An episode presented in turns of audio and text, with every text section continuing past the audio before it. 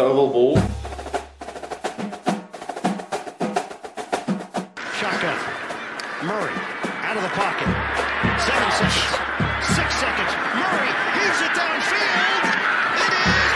Oh, it's caught. It is caught. DeAndre Hopkins. Miraculous. I play in the NFL. I think I play in the NFL. I think I play in the NFL.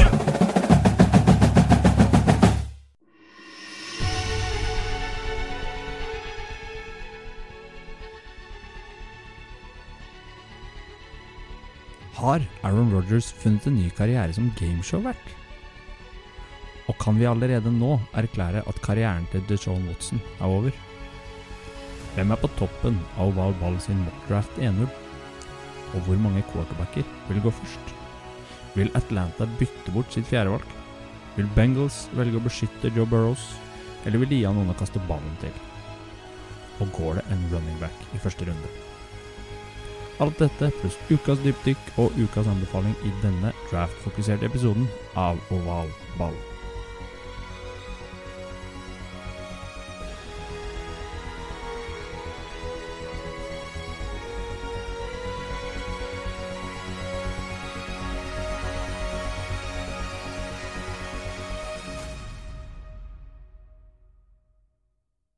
Hjertelig velkommen til denne episoden av Oval ball.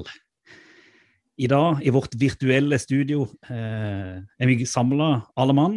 Eh, kongen fra Grimstad, Kenneth Karlsen, hjertelig velkommen. Takk. Og en mann som nok var påtenkt når man skrev boka eh, 'Født av løpet', Stian Syversen, hjertelig velkommen til deg òg. Det er den råeste introduksjonen jeg noen gang har fått. Tusen takk. Vi har bare starta. Ja, gutter. Hvordan har eh, den siste uka vært etter lanseringa av Oval Ball sin nettside og eh, første ordentlige pod og eh, påskeferie? Og eh, Kenneth, har du fått stått noe på snowboard i påska? Ja, det har jeg jo. Det resulterte jo i et eh, brist i et ribbein. Eh, så det var 20 år siden sist jeg prøvde snowboard. Og det kommer aldri til å skje igjen. Altså, si det Var det, sånn. var det sånn at du ikke har stått på snowboard mellom de 20 gangene? Det altså, det er 20 år siden jeg sto sist. Og jeg har aldri stått etter det. Jeg har stått én gang før, for 20 år siden, og så én gang nå. Eh, og da ble det brist i ribbeinet. Så det, det skjer ikke igjen. Eh, det er jeg ferdig med. Jeg har et spørsmål. Hvor, mm -hmm. hvorfor det? Hvorfor sto du på snowboard når du ikke har stått på 20 år? Når du er gammel og krøkkete? Ja, men det, altså, fordi jeg hadde prøvd skøyter også for første gang i år. Det var første gang i livet, faktisk. Okay. Eh, og så det gikk, det gikk ganske bra. Vær, vær stille og la meg fortelle. Det gikk, det gikk såpass bra at jeg liksom hadde litt sånn Fått litt feeling på vinteridretten, ikke sant. Og så var jeg på eh, på Gautefall da, med min bror, og han kjører brett. Og så tenkte jeg jeg låner brettet hans, da, teste det. Jeg, altså, jo, det er 20 år siden sist, da gikk det dårlig, men altså, hvor vanskelig kan det egentlig være? Eh, så det blei vel ca. kanskje 50 meter i luftlinje jeg klarte. Så måtte jeg bare spenne det av meg og gå ned resten av bakken. Det, liksom, det toppa seg når det stoppa to tiåringer og lurte på om det gikk greit med meg. liksom. eller lå heiv etter pusten her i, i bakken. Så det, det skjer ikke igjen. Godt at du prøvde, i det minste. Og Stian, har du fått løpt av deg noen, eh, noen kilometer, eller løpt av deg noen frustrasjon, eller har du bare sittet på Facebook og Twitter og, og nettopp bare leita etter, eh, etter fans? Det var derfor jeg skulle si har du løpt av deg noen kilo? Men Det var det jeg trodde. Ja, kilometer jeg skulle ta, sier man ja. eh, jeg har fått løpt litt. Men, eh, men det har blitt, eh, har blitt litt, litt jobb med, med både litt nettside og litt Twitter og litt Facebook. Og, men det har vært mest kos med påskeferien. Eh, ikke jobb og være sammen med familien er koselig, det. Det er godt å høre. Men da vet du, gutta, da syns jeg vi bare skal sette i gang.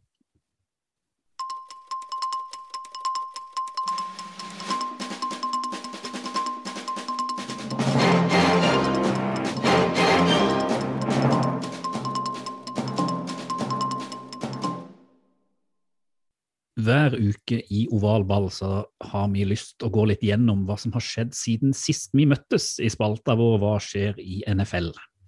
Og eh, siden sist, eh, Stian, hva er det du har notert deg ned?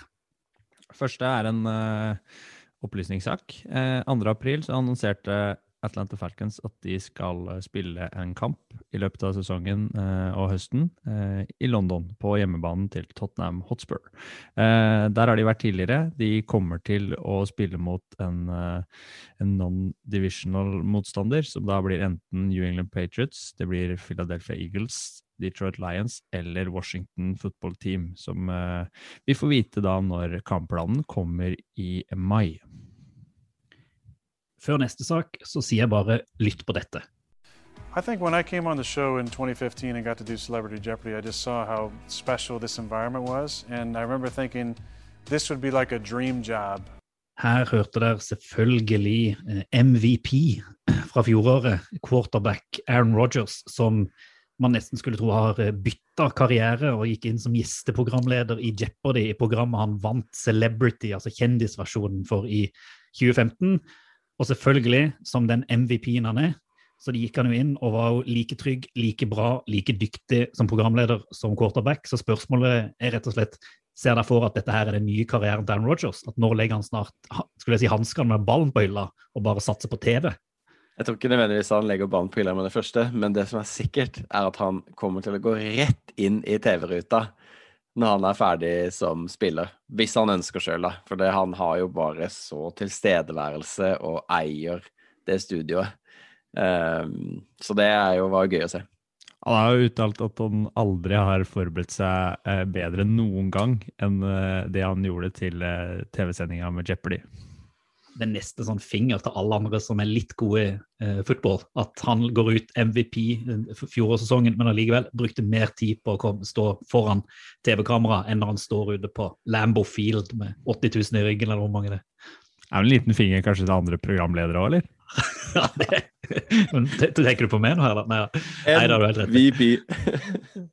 Eh, fra en som kanskje har fått seg en ny karriere, til en som ser ut til å ha mista karrieren sin. Vi har jo tidligere prata om uh, Deshaun Watson-saken her i Oval Ball, og sist vi prata om det, så var vi vel oppe i 21 uh, stykk som anklager han for trakasserende eller overgrep i et sivilt rettssak. Uh, denne saken har jo utvikla seg ganske mye òg siden sist vi prata, Stian. Kunne du gi oss et lite blikk over hva denne saken egentlig er? Ja, altså Det vi snakka om i forrige episode, det gikk jo ut på at uh, 21 uh, kvinnelige massører har uh, sivilt saksøkt Deshaun Watson for uh, seksuelt trakasserende atferd. Siden vi spilte inn forrige episode, så har, har det kommet nye fakta på bordet. da.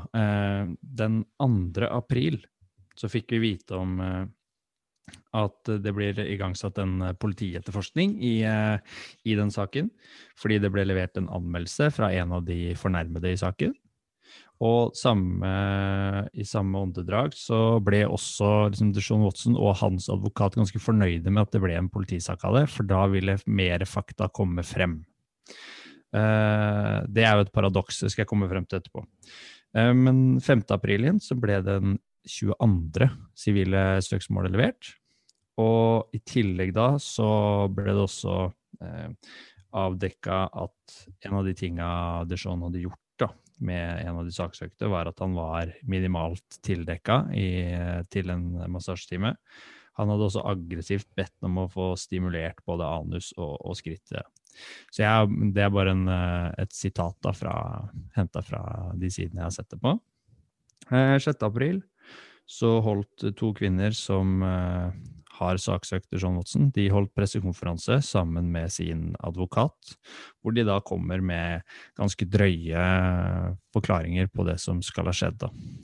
I tillegg så leser de også opp en ganske sånn treffende forklaring på, på, hvordan et forbilde kan stå fram og gjøre noe sånt, hvor mange han faktisk skuffer da, med måten han står fram på. Uh, og da 7. april, som da var i går, vi spiller inn denne episoden her 8. april, eh, så mister Watson alle sine personlige sponsorer. Eh, Nike er en av de som går ifra han. Og det viser jo egentlig bare katastrofen det her eh, ender opp til å bli, da. Og hvis man ser liksom på detaljene og det paradokset som har vært, så har, har jo eh, Watson tidligere uttalt at han never treated women without the uh, utmost respect. Altså, han har liksom behandla kvinner uh, uh, med respekt hele veien, mener han. Og det som kommer fram her da, av detaljer på, på, hva som har skjedd i de diverse overgrepene, er annet at han skal ha bare starta kyssa en dame ved ankomst til en massasjetime. Han skal ha grovt antasta tre stykker. Han skal ha ejakulert på tre. Og han skal ha tvunget tre til oralsex. Eh, så her er vi liksom i en, i en stor uh, skandale, egentlig, for en av de største stjernene i NFL-sirkuset. Og det tyder jo veldig på at Deshaun Watson er ferdig. Eh, vi tulla jo litt med forrige uke at uh, han hadde vært borti så mange massører, at antallet var såpass høyt. Og da hadde vi ikke fått spesielle fakta på bordet, da. Men når vi får fakta servert på den måten her, og av så mange forskjellige stemmer, så, så skurrer det veldig. Og dette er jo oppførsel som ikke hører hjemme noe annet sted enn eh, bak lås og slå, spør meg. da. Hvis, det, hvis, hvis, dette stemmer, det, det skulle nesten vært rart når det er såpass mange som anklager ham for akkurat de samme tingene. Så, så altså det er jo en Først og fremst er det jo godt at det kommer fram i lyset, i det minste. For jeg skal ærlig si at jeg ble nesten litt lei meg, for jeg har hatt John Watson som en av de, mine store forbilder. Jeg syns han er en fantastisk fot, altså fotballspiller og quarterback, men når dette her dukker opp, så er det bare å kaste han i søpla. Skulle jeg nesten til å si at hvis, hvis han blir, blir, dømt eller dette her blir, blir tatt. Og jeg tipper vel NFL kommer til å suspendere han hvis dette her eh, viser seg å være korrekt, eller at det blir en form for uh, klarhet at dette er riktig. Det, ja. det, er jo, det, er jo, bare trist.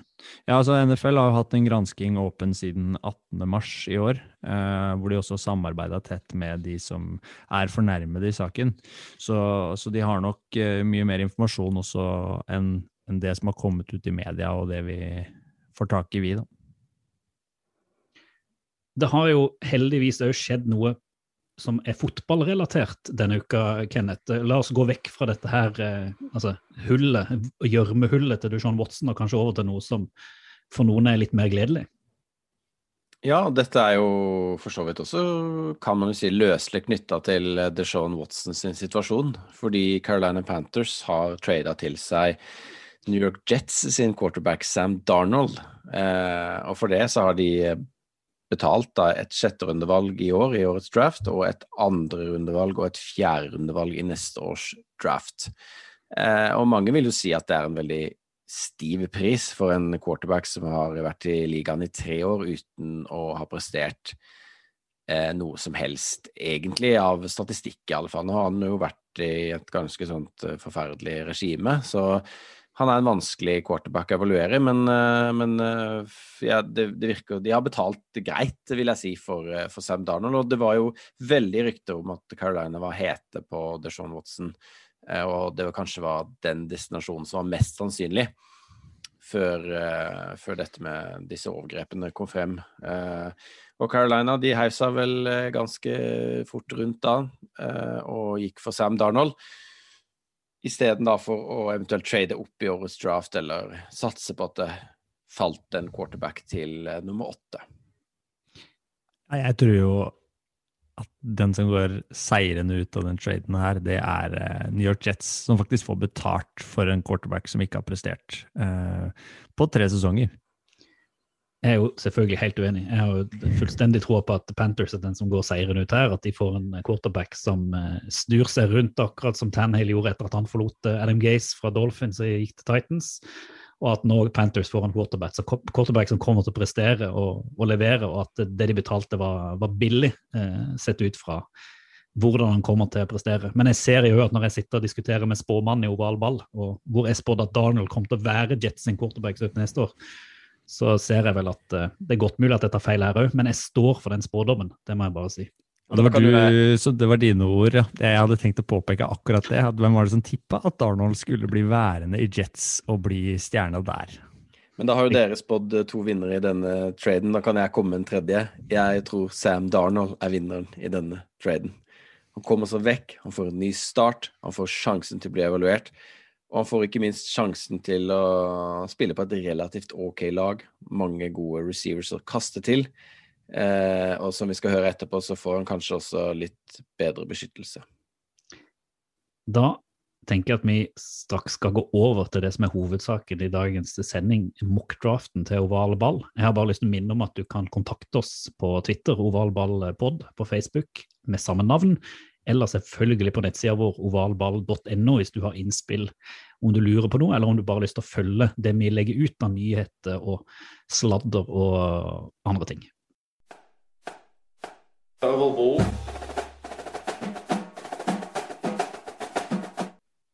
Oval ball har kan man si, endelig fått laget sin aller første mock draft 1.0 for draften som skal skje eh, natt til 30. april i år. Den finner du hvis du går inn på ovalball.no, eller søk opp eh, enten vår Twitter-konto, ovalballpod, eller vår Facebook-side ovalballpod. Så vil du se alle valg, alle begrunnelser, alt der. Men før vi går inn og presenterer den nå på lufta, Stian, hva er en mockdraft? Mockdraft er eh, det store å gjøre før man kommer til selve draften, da, som holdes uh, natt til 30. Eh, april i uh, Cleveland i år. Der uh, forsøker man jo å sette opp og tippe rett og slett hvilken spiller som går til hvilket lag, eller hvilket lag som tar hvilken spiller er riktigere å si her, her da. Veldig fin forklaring. Men vi er, jo, vi er, jo, i en spesiell situasjon. Det er covid. Det har ikke vært covid eh, så mye tidligere, det var litt i fjor, men nå har man hatt forberedt på dette hele veien. Og Kenneth, det er én ting som har blitt mye mye viktigere i år, eh, antar vi, enn det har kanskje vært tidligere. Eh, kunne du sagt litt om det før vi går inn og presenterer spillerne? Ja, det kan jeg si, for vi kommer til å nevne det ganske mye, og det er Pro Day. Vanligvis, Dette nevnte vi i forrige, forrige episode, men vanligvis så er jo spillerne de 300 beste, eller antatt beste, blir invitert til en sånn testehelg eller testeuke, da, som heter Combined. Hvor de får offisielle tider på 40 meter og, og driller og sånne ting. I tillegg til at de blir målt, da. Eh, størrelse, vekt, hand size, armlengde osv. Ting som er viktig eh, når man skal velge spillere. Um, det har jo ikke skjedd i år pga. covid, og da har jo de ulike universitetenes pro-days blitt enda viktigere. Og En pro-day er jo da at uh, universitetet arrangerer en dag hvor uh, deres spillere som er tilgjengelige til å bli drafta, får vist seg frem litt à la combine. De får løpe 40 meter, de får gjøre ulike driller, og de blir veid og målt og testa. Uh, og vi kommer til å nevne en del om det i, i begrunnelsen i draften, fordi Eh, det er på en måte det eneste offisielle, eller halvoffisielle, man har på disse spillerne da, når det kommer til tider og høyde, vekt og sånne ting, som er viktig. Um, og så kan man jo tenke seg at uh, hvorfor er det så viktig å prestere på en pro day? tenker man kanskje. Altså, Du kommer dit, og så løper du kanskje ikke 40 meter så fort som de hadde trodd. Eller du er kanskje to kilo lettere eller tyngre osv. Og, så og du klarer ikke å kanskje prestere så bra så er det litt med det at NFL og amerikansk fotball generelt er et veldig, veldig sånn marginal sport. Det er jo veldig få kamper. Det er 17 år til neste år er det 17 kamper i sesongen. Det er nesten ingenting. Altså, du er nødt til å være på topp hver eneste gang du skal prestere. Sånn at eh, hvis du da kommer på en pro day, som er den, kanskje den viktigste dagen i året for deg som collegeutøver, og du ikke klarer å levere ditt aller beste, eller det som er forventa av deg, så kommer tvilen til de lagene som skal plukke deg. Og Derfor så ser man også at uh, atleter som, uh, som, ikke gjør det så bra på sin pro day, de faller gjerne i draft rankings og i ulike mokker. da, Så forsvinner de kanskje ut av runde én osv. Da gutter, da tenker jeg vi starter å presentere den uh, eh, megafantastiske draften som dere selvfølgelig står som hovedleverandører. Jeg høster bare fruktene av den, det må understrekes. Jeg er så stolt av den. Ja, det syns jeg det skal være. Jeg tenker, jeg leser opp fem og fem, og så tar vi en liten diskusjon gjennom eh, podden på, på, de tingene vi mener er viktige. Jeg tenker jeg leser opp valg, spiller eh, og hvilket lag, og så kan vi prate litt rundt det. Eh, Førstevalget har Jacksonville Jaguars. De mener, Vi tror at de velger Trevor Lawrence. Andrevalget har New York Jets. Vi mener de velger Zack Wilson. Tredjevalget har San Francisco 49ers, som de har trada fra Miami Dolphins. Der mener vi at de velger Justin Fields. Fjerdevalget har Atlanta Falcons. Vi mener de velger Trey Lance. Og femtevalget har Cincinnati Bengals, og vi mener de velger Penu Sewell. Eh, jeg har jo lyst til å si at første- og andrevalget, altså Trevor Lawrence og Zack Wilson, er helt åpenbare. De trenger vi ikke prate om. Eh, hva tenker dere, gutter? Førstevalget er åpenbart, og har vært åpenbart eh, nesten siden før college-sesongen var ferdig. Eh, han er en eh, superstjerne som kan det meste for å håndtere, for å håndtere NFL. Eh, Andrevalget, Zack Wilson. Der eh, diskuterte jo Kenneth og jeg det vi satte opp. Og dere er vel litt usikre på om han er den spilleren som blir, som blir valgt her, da. Han blir snakka om som en uh, spiller som er flink til å lese banen. Han er nøyaktig, treffsikker. Han er også aggressiv, og da er spørsmålet om han kanskje kan være for aggressiv, da. Og ofte går for det man kaller for en hero ball. Og at han er for opptatt på å kaste langt og dypt og uh, lage poeng, enn å ta de safe valget. Eksempel hvis det er en uh, uh, fort and og du har en tight end som er på vei frem og har kommet akkurat over, uh, over linja til å klare å ta imot, og så velger han kanskje ikke akkurat det valget og prøver å kaste heller langt på en receiver uh, isteden, selv om han ser tight enden da er åpen. Ja, jeg, jeg er fortsatt ikke um, trygg på det piket der. Han har én veldig, veldig god sesong bak seg i en ikke så fryktelig stor skole. Han har hatt en veldig bra offensive line, har fått uh, en rolig pocket. Sånn at uh, Men det er jo det som er konsensus, egentlig, på de fleste mokkene man ser rundt om, at Jets har bestemt seg for Zack Wilson. Så da tenkte vi at vi, vi vil ikke diffe på akkurat den. Apropos konsensus. Det er jo en konsensus at uh, i hvert fall mange steder har lest at San Francisco 49ers ikke tar Justin Fields, men at de f.eks. heller skal ta Mac Jones. Her må dere forklare hvorfor Justin Fields på tredje valg. Ja, der valgte vi å diffe. Mm. Uh, det er jo fordi at Justin Fields er en uh, bedre atlet, rett og slett. da. Og virker å ha en mye større oppside enn Mac Jones. At når du velger Mac Jones, så vet du akkurat hva du får. Han er eh, kjappe i huet, flink til å lese, flink til å få ballen ut fort. Eh, men eh, mens Fields er mer en sånn atletisk quarterback som kan gjøre alt, da. Og han er veldig safe med, med kastearmen sin, i tillegg til at han har fart og kan gjøre ting med beina. og vi tror jo egentlig at det er jo det Shanahan vil ha. Han vil ha en uh, som er god, men som også kan gjøre andre ting enn det Jimmy Garoppolo kan. Han er jo et knepp opp fra det han har hatt før. Jimmy G, i, uh, som han har i 49ers uh, eh, nå, er jo en ganske sånn stasjonær type. Kirk Cousins, som er quarterback i Vikings, var også en av de som, som Shannon ville ha til 49ers, og coacha tidligere. det er også sånne stasjonære typer. Mens Fils ser ut til å ha noe nytt. da. Der har du et knepp opp og mulighet til å utvikle noe som gjør spillet ditt mer dynamisk og mer uforutsigbart. Så vi tror kanskje han går den veien. Og nå har vi sett de siste dagene også at rapporter på at det tredjevalget og Mac Jones til 49ers ser mer og mer usikkert ut, da. For dere, dere har peiling, det er det vi alle vet. Eh, for å gå litt videre. Eh, Fjerdevalget, Atlanta Falcons. Her, eh, her, er jo her er det mye som kan skje. De kan trade vekk dette valget. De kan, eh, hvis de tar valget, så tror alle at de tar en, tar en quarterback, men noen mener jo at de kan ta en tight end. Hvorfor mener dere at Trey Lance går til Atlanta Falcons? Det er en kombinert greie. De har en ny headcoach som er en sånn quarterback-vennlig type i Arthur Smith. Han var jo da offensive coordinator i Titans i fjor og har jo fått mye av æren for Ryan Tannehills suksess. Um, og de har ny GM. Eh, og Matt Ryan er jo på slutten av karrieren. De restrukturerte kontrakten hans nå, så de blir jo ikke på en måte kvitt han neste år.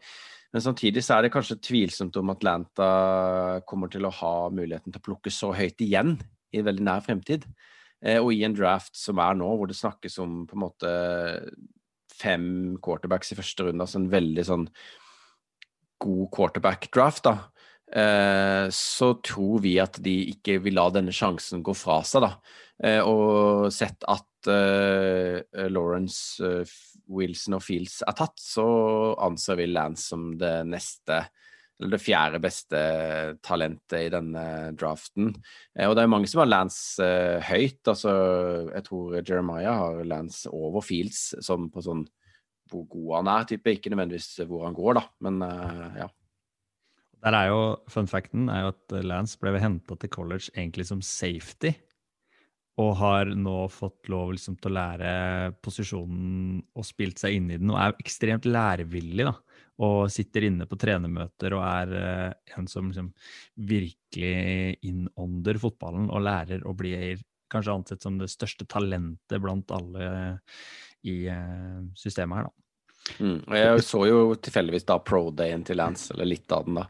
Og da var det jo Jeremiah som kommenterte, han er jo på en måte veldig sånn De hyller jo på en måte teknikken og måten han hiver på, selv om han ikke alltid er så treffsikker. Men han hadde jo en hel sesong i 2019 uten å kaste en interception. Så det er klart han er, han er veldig god i huet. Altså han hiver den heller ut eller for langt enn å hive den til en motstander. Så han er jo kanskje ikke så risikovillig. men men et, et super, uh, supertalent. da. For de som syns uh, det er masse informasjon de gjerne skulle finne et sted, så er det jo selvfølgelig bare å gå inn på ovalball.no. Der ligger hele lista vår med disse begrunnelsene og skrevet av, Stian og Kenneth. Så godt, du kan godt sitte med den foran deg hvis du har mulighet når vi går gjennom her. Femteplassen må vi prate litt om, for her har du liksom det som kan være den store jokeren i hele draften. Uh, Cincinnati Bengals Eh, noen mener at de kan drafte vekk dette picket eh, etter dette valget. Noen mener at de kommer til å gå for eh, en wide receiver, sånn at Joe Burrows har noe å kaste til. Mens andre, som dere, mener at de ikke kommer til å gjøre noen av disse delene. Forklar. Ja, Vi har jo en offensive tackle her, da. Eh, og det er jo vi, Jeg tror kanskje vi skriver til og med at det er no-brainer, og så ser vi jo at flere og flere mokker har, har, en wide receiver der. Men, men, eh, men altså, jeg, skjønner ikke helt det. For hvis ikke de passer på Burrow som røyk kneet i, i, årets sesong, så hjelper det ikke å ha gode receivers hvis ikke ballen noen gang kan komme dit. da, Fordi at han må løpe rundt som en eh, eh som altså blir jakta på da, hele tiden eh, i, eh, i, backfielden. Så, så, derfor så tenker vi at eh, de kommer til å kjøre det trygt og velge en offensive tackle. Der har vi Penay Sewell. Eh, det er også basert på at både Zack Taylor, head coach, og Bengals sin director og player personnel var til stede på pro dayen til Sewell. Eh, nå var den riktignok ikke så bra som forventa, men han har likevel en veldig oppside da, og er ung og har ja, ganske sånn bra mål, da. Da tenker jeg at vi kjører videre til plass seks til ti, eh, gutter. Jeg leser opp, eh, kommer med noen spørsmål til dere etterpå. Eh, Sjettevalget har Miami Dolphins, eh, eh, trader fra Philadelphia Eagles. Der mener vi at de tar Kyle Pitts. Syvende valget har Detroit Lions. Vi mener de tar Jamar Chase. Åttende valget har Carolina Panthers. Vi mener de tar Sean Slater. Niendevalget har Denver Brokers. Vi mener de tar uh, Mac Jones. Uh, og jeg tror jeg stopper der før vi går, uh, går videre. Jamar Chase, som han har sagt skal gå til Detroit Lions, han har jo blitt linka både til Bengals og til, til, til Dolphins i en del mokke. Hvorfor går han til Detroit Lions? Oraklet. Nei, altså vi, Han kan like gjerne gå til Dolphins, altså, men uh, vi har bare satt Pitts til Dolphins fordi han er uh, kanskje draftens mest spennende spiller. En helt sånn uh, en enhjørning, rett og slett. en tight end som ikke noen har sett før, rett og slett. Han er fantastisk. så vi tenkte at Miami går for den beste spilleren som er igjen, på sjette. Og da kommer vi til Detroit på sjuende, som jo egentlig trenger folk til alt. Eh, og da tenkte vi at ja, da tar de kanskje òg den beste spilleren igjen som er tilgjengelig, og det er Chase, ifølge veldig mange. Så, så det, dette er jo litt eh, bingo, selvfølgelig, men, eh, men eh, de har jo tra trada vekk Golladay, og de har mista Marvin Jones, og de har ikke så mange wide receivers igjen. Så stakkars Goff må jo ha noen å hive til. Da er det iallfall godt at, at Tua får, får pits til å stå der og ta imot ballen for seg. Eh, hvis vi går nedover til, til, Panthers, som nå har fått seg en ny eh, de har fått seg en ny quarterback, så dermed er ikke de på jakt der lenger. Eh, hvorfor eh, mener dere da at de går for en eh, offensiv tackle her? Vi tenker litt det er meningsløst å gå for en ny quarterback uten å gi ham nok beskyttelse, da. Eh, og Rashawn Slater er en offensive tackle som Han opta out i fjor, han også. Altså, han spilte ikke sesongen.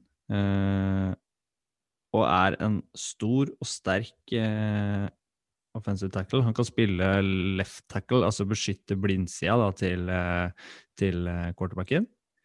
og han, han er en stor, eh, stor spiller. Han er 1,90 og en halv og veier etter sigende 140 kilo. Så snakker vi en murblokk da, som, som nok Darnold skal nyte godt av, som han mangla i Jets. Så har jo også Panthers en ganske bra wide receiver-gruppe, da.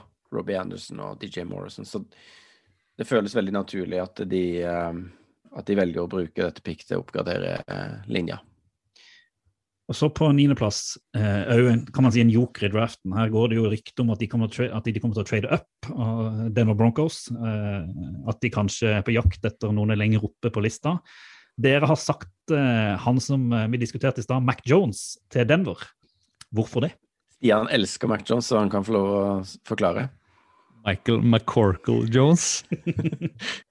eh, han er jo, som vi nevnte i stad, egentlig linka til 49ers. Og der går jo diskusjonene på sosiale medier og blant ekspertene om han i hele tatt er god nok for å bli drafta i første runde i det hele tatt. Eh, og sånn som det er nå, så står Denver Broncos i en posisjon hvor de eh, ikke har Altså, de har en quarterback, men de er tydelig ikke fornøyd med han. Og de må derfor hente en quarterback. Det er Drew Lock vi prater om da, ikke sant? Som Mm. de har. Mm. Og de hadde kanskje også Sam Darnold i kikkerten og avventa litt grann hva som kom til å skje hos han. Eh, men da var Panthers eh, tidligere ute, og Mac Jones kan være et alternativ, tror vi, nettopp litt pga. hypen også. Han er jo, som vi snakka litt om, en mer sånn stasjonær eh, pasningsspiller i, i pocket. Eh, han er presis. Han har eh, eh, veldig gode si, analytiske ferdigheter i, i spillet, da, og flink til å ta riktige valg. Eh, men han er, har en middels arm, sies det, og, og har eh, visse begrensninger, spesielt når det gjelder å komme seg ut av litt trange situasjoner. Han skal visstnok være bedre atletisk enn man skulle tro, men, men han vil slite litt med å komme seg unna eh, hissige taklere. Da.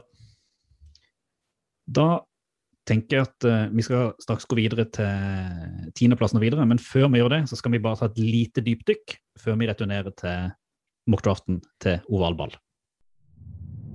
thank you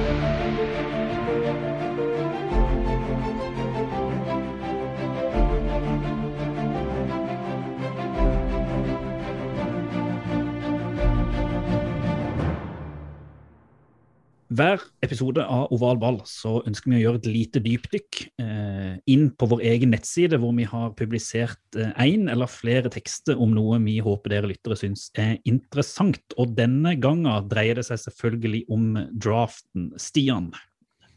Ja, vi har tatt en titt på eh, de quarterback-talentene som eh, vi finner i årets draft.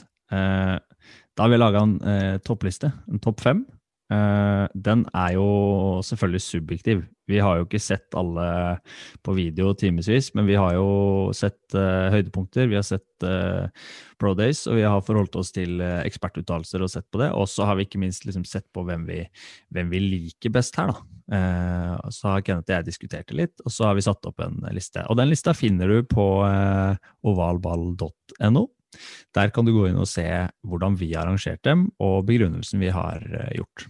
Og så finner man også ikke bare de topp fem, man finner også tre ekstra navn eh, med noen som vi har kalt for sleepers, da, som kanskje ikke går i første runde, men eh, som kanskje kan være verdt å kjenne til, og som vi vil sannsynligvis også få se i NFL på et tidspunkt.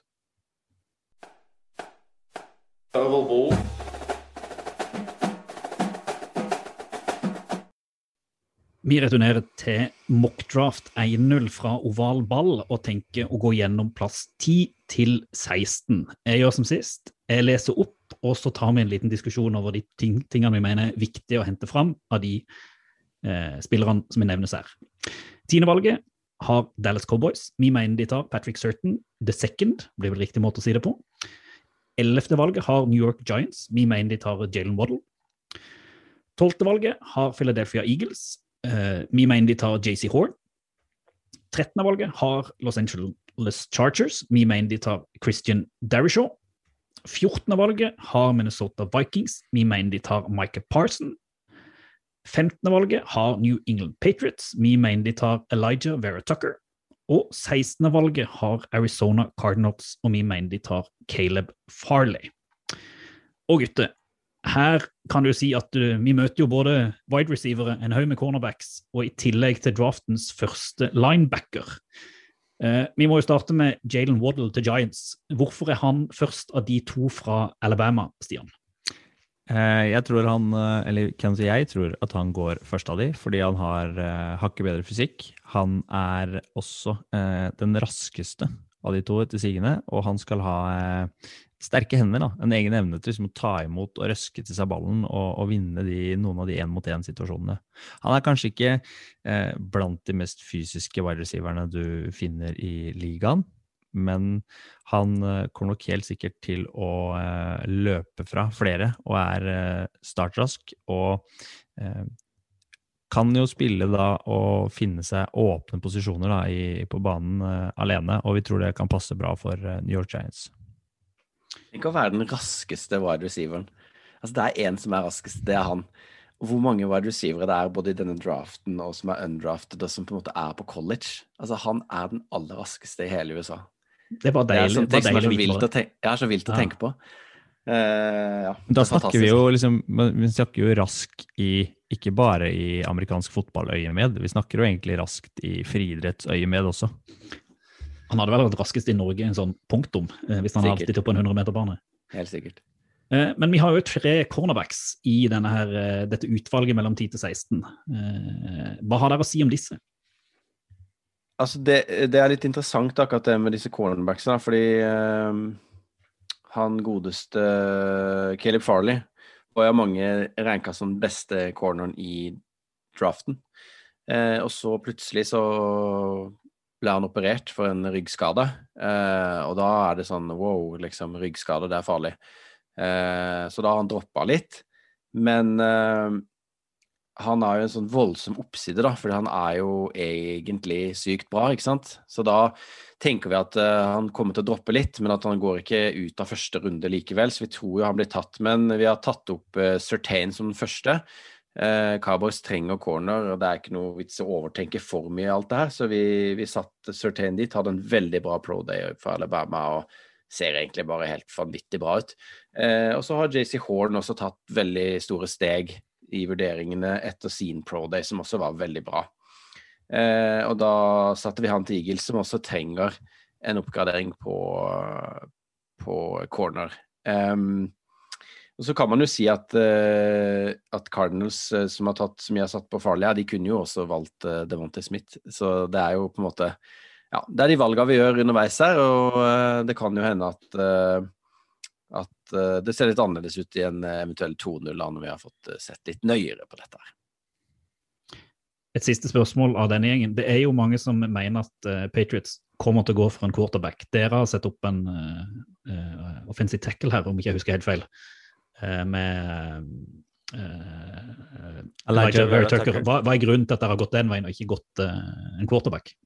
Nei, Red Tucker er eh, såpass fleksibel. Han kan både spille offensive tackle og guard, eh, som gjør at han vil passe godt inn i et lag som eventuelt vil være utsatt for skader. Og vi kan også se for oss at eh, Belgic styrker Forsvaret først, er opptatt av å sette en defensiv standard. Eh, og en spiller som Vera Tucker vil passe veldig godt inn i, eh, inn i eh, Pats, sånn som vi ser det. Så ser man også at, at, hvis vi har satt den første linebackeren ut her til Vikings, Michael Parsons Han er jo også en sånn fyr som er prosjektert høyere av mange. Og han spilte ikke i fjor, opt-out, var litt sånn usikkerhet rundt han og hadde en helt vanvittig pro day. Altså han løp usaklig fort og hoppa høyere enn han noen gang hadde gjort, og var bare i kanonform og veldig god på drillene. Så, så, det kan godt være han også går høyere, men, eh, men han er et supertalent. Fantastisk. Da tror jeg vi bare hopper videre på eh, lista 17 til 24. Jeg gjør som jeg har gjort eh, tidligere, jeg leser opp og minner igjen om alle lyttere om at hvis du vil ha mer informasjon, lese all begrunnelse og se lista, så ligger den på ovalball.no. Så det er sagt igjen. 17.-valget har eh, Las Vegas eh, Raiders. Der mener vi at de tar Jeremiah Owusu-Koramau, hvis jeg uttaler det korrekt. 18.-valget har Miami Dolphins. Vi tror de tar Devonta Smith. 19.-valget har Washington Football Team. Vi tror de tar Kedarius Tony. 20.-valget har Chicago Bears. Vi tror de tar Quitty Pay. 21.-valget har Indianapolis Colts. Vi tror de tar Aziz Oyu Lari. 22.-valget har Tennessee Titans. De, vi tror de tar Rashud Bateman. 23.-valget har New York Jets. Vi tror de tar Jalen Phillips. Og 24.-valget har Pittsburgh Steelers, og vi tror de tar Saven Collins. Og her kan man si at det, det er både fokus på wide receivers og fokus på, på edge, sånn som jeg leser det. Hvilke eh, tanker har dere om denne gjengen av vanvittig gode spillere som går i første runde, men ikke helt oppe i toppen? Ja, det er jo litt sånn, Når man sitter og jobber med en sånn mock, så, så man, eh, ser man jo først og fremst på Eller man ser på hvor gode spillerne er, og så ser man på hva laga trenger. Og da plutselig så havner man på nummer 18. Eh, og så har man ikke tatt uh, Heisman-vinneren, årets beste college-spiller i fjor, Devonte Smith, ennå. Og da er det sånn der Shit, kan han falle så langt? Uh, og Det er jo noe vi må tenke på, men uh, hvis han først gjør det, så er det veldig naturlig at Miami Dolphins uh, tar han der. Han er jo en Alabama receiver og har jo spilt med Tua før. Og er jo en ekstremt god spiller, også en slags enhjørning, fordi han er en ganske tynn, lett wide receiver til å ha de tallene som han putter opp, men samtidig så, så, er han veldig sterk, og du ser han liksom løper gjennom folk, han òg, og spretter opp fra ganske tøffe taklinger. Så, så eh, vi tror jo at han har en, en stor framtid, men, eh, men, det er akkurat det med size og, og altså størrelse og vekt er noe som gjerne skremmer vekk eh, de, de beste lag, lagene fra å ta en sånn spiller, da. Så det kan hende han dropper. Og nå har vi valgt Waddle først, men uh, av andre mokker så er det jo litt sånn div-div hvem som går først av Smith og, og Waddle. Eller så har vi et par andre wide receiver her i i um, Kaderius Tony og Bateman. Og det er kanskje Bateman som er den som har uh, vist seg frem mest uh, etter sesong da, med en bra pro day og har på en måte ser godt fra å være kanskje et andrerundevalg til å nå bli prosjektert, med, prosjektert mer til første runde pga. Uh, veldig sånn allround skills og rett og slett en utrolig bra spiller. Da. Og det er jo en veldig dyp wide receiver-klasse i år, også som i fjor, da. Og av de eh, Edge-gutta du spurte om, Reier, så er man jo litt inne på en ganske sånn brei Edge-gruppe som eh, er relativt god. Uh, vet, det er vanskelig liksom å rangere dem fra, fra, år til år. Man sier jo at den er litt over middels, kanskje.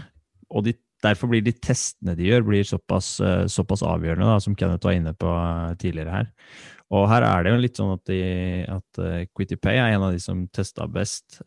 Kom veldig godt ut av pro-dayen sin. Er eksplosiv og fremstår veldig som en spiller som fort kan gå tidligere enn valg 20 også, blir det spekulert i. Han er 1,93, veier 123 kilo, for eksempel. Og mot Ojulari, som er en del mindre, da, som veier etter sigende 109 kilo, for eksempel så har det en del å si når man skal eh, stå på kanten og ta imot juling. Let's talk about the draft. I need you to make a splash, Sonny. Vi skal straks returnere til siste del av mockdraften, men først må vi jo innom det som er en fast spalte her i Oval ball, og det er ukas anbefaling, som i dag selvfølgelig dreier seg om draften. Eh, Kenneth, hva har du å tilby til våre lyttere? Ja, det jeg har tilbudt, det er draftfilmen draft-filmen av alle draft-filmer, da. Draft Day, med Kevin Costner i hovedrollen. Eh, den er jo bare så nydelig. Jeg pleier å starte min draft day da, etter jeg har sovet litt, uh, med å se den. Bare for å komme i humør. Komme skikkelig opptakten til at nå skal det velges spillere. Uh, og der har det jo Filmen handler jo om da Kevin Costner, som er general manager i Cleveland Browns. Eh, spoiler. Ja, vel ikke helt spoiler. Den ser du vel i traileren, tror jeg. Eh, og de, har da den, eh, de har, skal da velge sine spillere i draften, og så er det alt mulig kaos som foregår i The War Room, der de sitter og skal velge ut sine spillere. Det er trading. ja, det er eh, litt kjærlighet, du vet. Hollywood. Så er jo eh, motto til oval ball, det er fotball til folket. Og hvis du vil få litt eh, kunnskap om og se hvordan draften foregår, så funker den filmen her kjempefint som en sånn intro til å bli kjent med systemet. Det Bedre anbefalinger det kan man ikke få. Det ligger link ut til trailer og informasjon om den selvfølgelig på vår nettside ovalball.no under spalten Ukens anbefalinger, som kommer til å bli fylt opp av så uhorvelig mye gode anbefalinger etter hvert, jo mer vi podder. Men nå tenker jeg vi returnerer til siste del av Mockdraft 1.0. Jeg gjør som sist, leser opp fra 25 til 32, og så tar vi en liten diskusjon før vi oppsummerer dette her fantastiske verket dere har lagd på slutten. 25 eh, plass, eller valg 25 Jacksonville Jaguars de mener vi tar Trev, Trevon Morrig. Eh, 26.-valget har Cleveland Browns. Vi mener de tar Jason Ovey. 27.-valget har Baltimore Ravens. Vi mener de tar Gregory Rousseau. 28.-valget har New Orleans Saint. Vi mener de tar Greg Newsom the second. 29.-valget har Green Bay Packers. Vi mener de tar uh, Tevin Jenkins. 30. valget har Buffalo Bills. Vi mener de tar Najee Harris. 31. valget har Superbowl-finalist Kansas City Chiefs, og vi mener de tar Liam Eichenberg. Og det siste valget i runde 1, det 32. valget, har Superbowl-vinner Tampa Bay Buccaneers, og vi mener de tar Travis Etienne. Og bare for å begynne på bunnen her, gutter. Eh, nå har nettopp eh, Fornett running backen til Tampa Bay Buccaneers som vant Superbowl, signert ny kontrakt, og likevel mener dere at de velger med sitt første valg i draften å hente inn en running back. Her må dere forklare litt. Grann. Ja, altså, de har jo henta tilbake hele laget, så hva er det de egentlig trenger? Uh, jeg tror også det er, det er, jo godt mulig at Tampa kommer til å trade vekk uh, dette valget når, vi, når push comes to shove der som nummer 32. Men uansett så er det ikke noe unaturlig å tro at de har lyst til å oppgradere running back-rommet sitt. da. Eh, Aaron Jones var mye skada i fjor. Fornett var jo ikke god før playoffs og holdt jo på å bli kutta midt i sesongen. Eh, og Tom Brady er jo glad i running back som kan gjøre mye. Altså både løpe og fange ballen. Uh, og som man kan check down til og spille til kort hvis ting ikke funker lenger ned i banen. Så, så, at de skal ta en running back, er ikke helt unaturlig.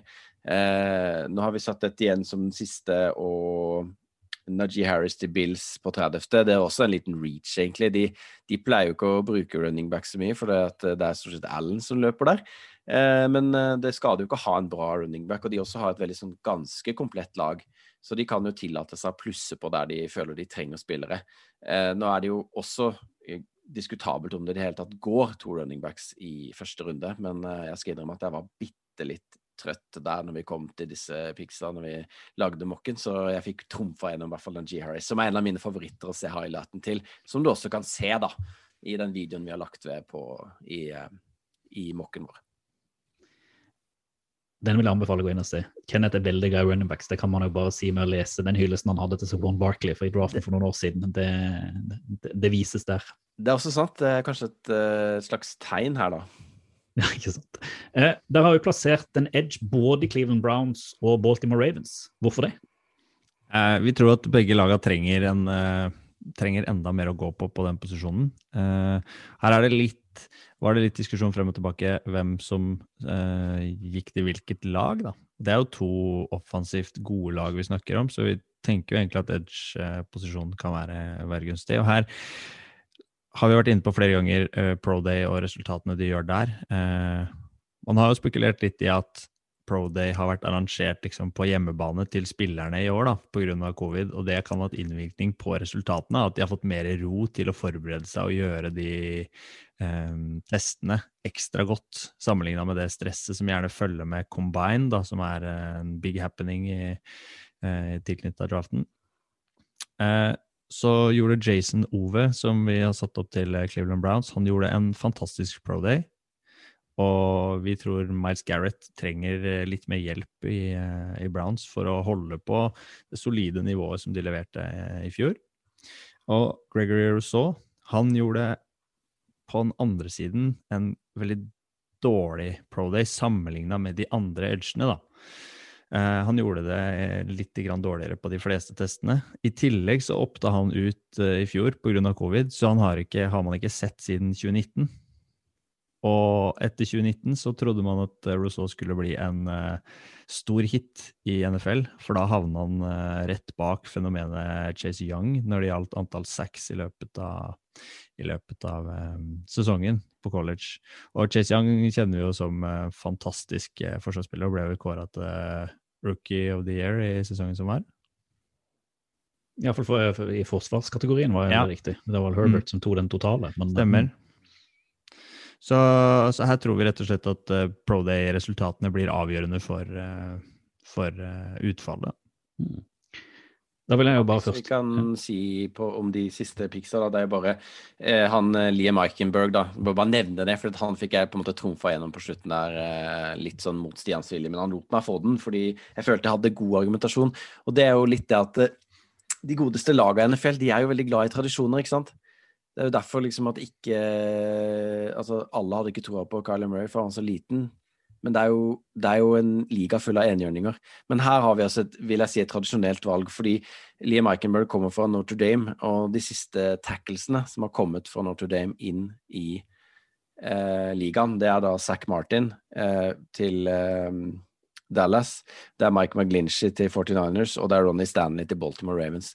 Eh, og Det er jo Pro Bowl tacklers, hele gjengen.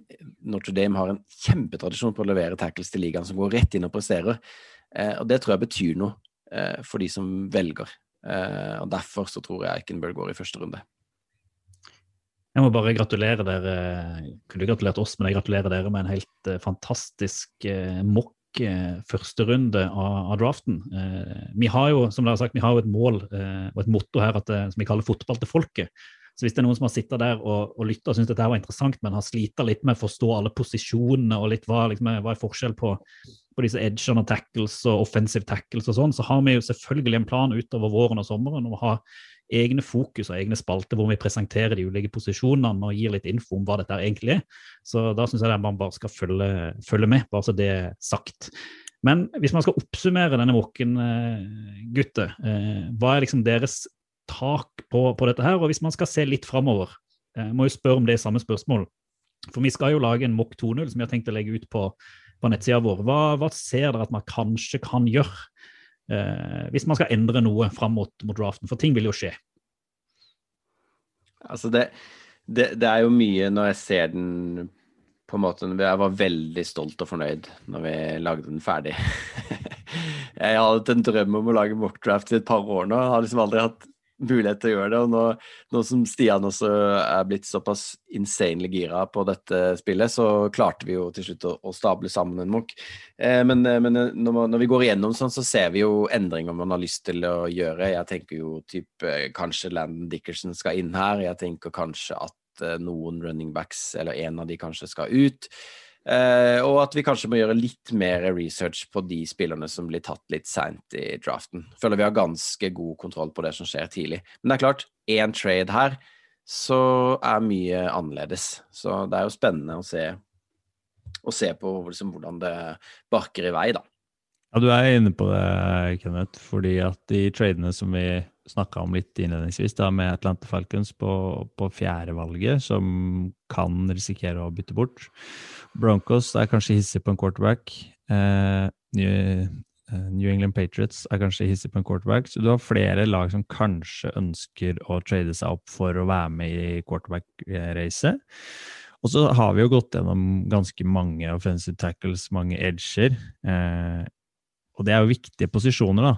Men vi snakker jo kanskje om si, personlige preferanser hos både trenere og speidere, og hva de har sett på både Pro Days og filmer, som, som ligger langt over egentlig vårt nivå. Da. Så det er ofte vanskelig å, å, være helt sikre på hvilken rekkefølge de går i, og de småtinga som ekspertene er mye flinkere enn oss til å se. Da. Og så er det interessant å lese andre mokker, da. Vi ser at vi er jo liksom Eller vi er ikke helt eh, på Vi er på samme parkeringsplass, for å si det på den måten. Eh, men eh, det er jo interessant å se hva andre prioriterer. Men også veldig interessant å se hvor stor uenighet det er blant ekspertene òg, da. Eh, altså det er jo alt sånn at alt fra at Browns tar en, en edge til en eh, offensive tackle. Altså det, det er jo helt forskjellige posisjoner som blir valgt. Eh, og det kommer jo litt også an på liksom hvem man har satt litt tidligere. ikke sant? Altså Når vi plutselig fant ut at Devontae Smith ble nummer 18, så følte vi jo kanskje litt at det ble litt seint for han. Eh, men samtidig så ser vi at spill, eller, eh, klubbene tidligere i draften har andre behov enn wide receiver, kanskje. da. Så har vi også sett tidligere at wide receiver-posisjonen er såpass brei ofte at de kan man plukke seinere. Så kanskje også noen velger å avstå fra wide receiver i, i uh, første runde nettopp av den grunn, at man kan finne et godt alternativ seinere. Ja, og, det eksempelet har vi jo bare så, så seint som i fjor, hvor uh, Justin Jefferson, som ble tatt som den femte wide receiveren i draften, uh, hadde en sesong som statistisk sett var den beste for en rookie wide receiver noensinne. Altså bedre enn Randy Moss, bedre enn Calvin Johnson. Eh, Hall of Famer hele gjengen. Så eh, wide receiver kan du finne i runde to og tre. Jeg vil jo anbefale alle som har hørt helt ennå og har sterke meninger om denne mokken, gå, gå inn på ovalball.no, kommenter eh, hva du mener eh, om han, om du er uenig eller enig, eh, eller gi oss tilbakemelding på Twitter eller, eller Facebook hvis du har, har innspill. Vi, eh, før vi avslutter, skal vi kikke litt framover mot neste episode. og eh, Der har vi tenkt å ha et uh, lite fokus på én posisjon. Ja, og vi har jo vært innom posisjonen i dag også, men vi, vi føler det fortjener enda mer fokus. Vi skal se nærmere på quarterback-posisjonen. Og vi har tenkt til å, å fortsette diskusjonen med, med, de gutta i draften, blant annet. Men vi skal også se litt på de quarterbacksene som fins i eksisterende Eller eksisterer i, i NFL-lagene nå, da. Kommer en ny power ranking, kan vi si røpe, uh, frem mot neste episode, med de quarterbackene som er i ligaen allerede. Så skal vi jo litt tilbake i historien og, og se på fantastiske quarterback-prestasjoner og også en fantastisk kamp. Kanskje den beste noen gang? Jeg tror det. Jeg tror det. Så det er bare å følge med.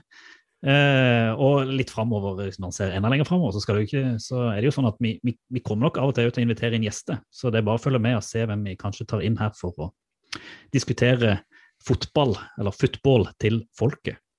Jeg må bare igjen eh, minne om at eh, vi finnes jo eh, på, en, på, alle de podkast-appene som er der ute, så vi hadde jo satt enormt stor pris på om du går inn der rate oss gjerne fem stjerner eller toppscore hvis du er fornøyd med dette, og gir en tilbakemelding på hvordan vi kan holde oss så bra som vi er, eller hvordan vi kan bli bedre. Eller gjør det via Twitter eller Facebook eller nettsida vår Oval ball. Da blir vi superglade. Eh, jeg har lyst til å takke dere gutter for den enorme innsatsen dere har lagt ned i MOK-draften 1.0. Og gleder meg til å se den reviderte versjonen som òg kom ut på nettsida om, om, et par, eh, par uker. Eh, så vil jeg egentlig bare si tusen takk for, for i dag. Eh, gå inn på nettsida vår og les draften hvis du, eller mockdraften hvis du, hvis du ønsker. Og så ses vi veldig fort til en ny episode av Oval. Høres. Vi høres. Scott, did you come up with the correct response? Who wanted to kick that field goal?